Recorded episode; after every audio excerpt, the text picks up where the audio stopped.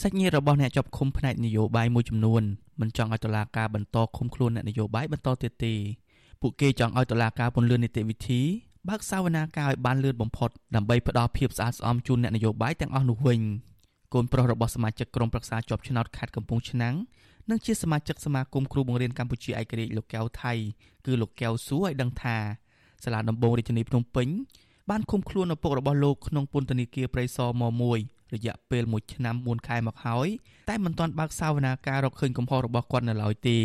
លោកទៀមទីឲ្យតុលាការពន្លឿនបើកសវនាការរកខុសត្រូវឲ្យបានលឿនដើម្បីផ្ដល់យុត្តិធម៌ក្នុងសំណុំរឿងក្តីនយោបាយនេះ គាត់ជាអ្នកទទួលនយោបាយម្នាក់គាត់អត់មានកម្លាំងអីទៅណាញុកញងហើយរូបនិកបត់អត់មានផ្លាញអីចឹងណាហើយគាត់ស្រឡាញ់ជីវជាតៃចောက်គាត់និកបត់ចឹង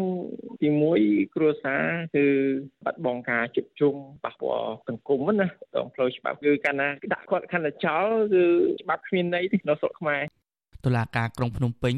បានឃុំខ្លួនអ្នកនយោបាយនៃគណៈបកសង្គ្រោះជាតិជាង10នាក់នៅក្នុងពន្ធនាគារព្រៃសរ រយៈពេលជិត1ឆ្នាំកន្លះមកហើយដោយមិនទាន់រកឃើញកំហុសរបស់ពួកគេនៅឡើយអ្នកទាំងនោះមានដូចជាលោកជុំច័ន្ទលោកសុនធុនលោកពៀតម៉ាប់លោកកែវថៃលោកយឹមសារ៉េតលោកសុកចន្ទថាលោកញ៉ែមវ៉ាន់និងមន្ត្រីមូលដ្ឋានរបស់គណៈបកប្រឆាំងជាច្រើនទៀតតុលាការបានចោទពួកគេពីបទរួមគំនិតក្បត់ញុះញង់ឲ្យយុធិនមិនស្ដាប់បង្គាប់និងញុះញង់ឲ្យប្រព្រឹត្តបទអក្រិតជាអាតកាលពីដើមខែកុម្ភៈឆ្នាំ2021តុលាការបានបើកសវនាការលើពួកគេមួយលើកដែរ ហើយក្រោយមកបានលើកពេលសវនាការជាបន្តបន្ទាប់រហូតមកដល់ពេលនេះក្រោមហេតុផលការរាតត្បាតជំងឺ Covid-19 ប្រពន្ធរបស់ជំទប់ទី1ជាប់ឆ្នោតនៅឃុំចន្ទ្រីស្រុករមៀហែកលោកយឹមសារ៉េតគឺលោកស្រីអុកចន្ទធីឲ្យដឹងថាប្តីរបស់លោកស្រីក៏ជាប់ឃុំដោយអយុត្តិធម៌ជាង1ឆ្នាំ4ខែមកហើយដែរតែតុលាការមិនព្រមបើកសវនាការជំរះក្តីសោះ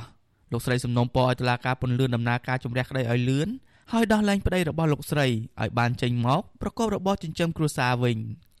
បាត់បង់សិទ្ធិសេរីភាពហើយធ្វើបាបផ្លូវចិត្តទាំងផ្លូវកាយគាត់អញ្ចឹងហើយនេះជាអំពើអយុត្តិធម៌បំផុតសម្រាប់ក្រុមគ្រួសាររបស់ខ្ញុំដោយសារប្តីខ្ញុំគាត់មិនបានប្រព្រឹត្តអ្វីខុសសោះគាត់យកទៅឃុំឃាំងដោយគ្មានដំណោះស្រាយអ្វីមកដល់ពេលនេះជិតមួយឆ្នាំកន្លះហើយតែអញ្ចឹងវាអយុត្តិធម៌បំផុត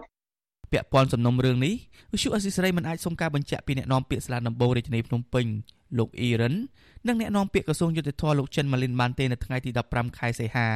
ទោះយ៉ាងណាមាត្រា208នៃក្រមនីតិវិធីព្រហ្មទណ្ឌចែងថា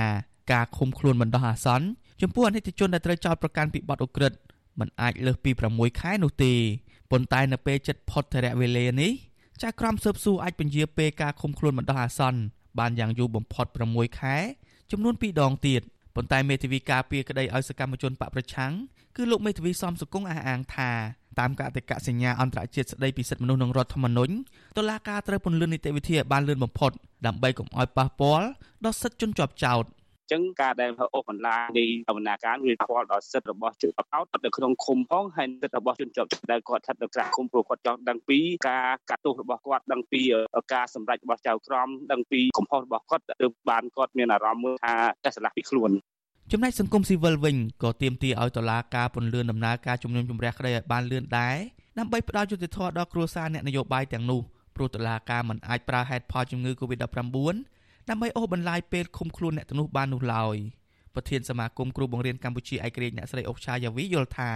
តុលាការមិនគួរពន្យាពេលបើកសវនាការតទៅទៀតទេហើយគួរទៅដោះលែងក្រុមគ្រូបង្រៀននិងអ្នកនយោបាយទាំងអស់ឲ្យមានសេរីភាពឡើងវិញ។ បើនិយាយពីគ្រូចាស់ចាស់ណាមួយឆ្នាំជាងអីឧទាហរណ៍ថាកាត់ទោសគាត់ថាគាត់ជាប់ទោសណាដូចគេថាគាត់ជាប់ទោសក្បត់ជាតិអីចឹងចាស់បើសិនជាថាទោសគាត់ជាប់2ឆ្នាំឬក៏3ឆ្នាំត្រូវតែកាត់ទោសឲ្យគាត់នឹងជាប់ប្រហែលឆ្នាំប្រហែលឆ្នាំទៅมันគួរណាយកពួកគាត់ទៅឃុំចោលធ្វើឲ្យបែកបាក់ក្រុមគ្រួសារគាត់វេទនាចឹងទេគិតត្រឹមពាក់កណ្ដាលខែសីហារ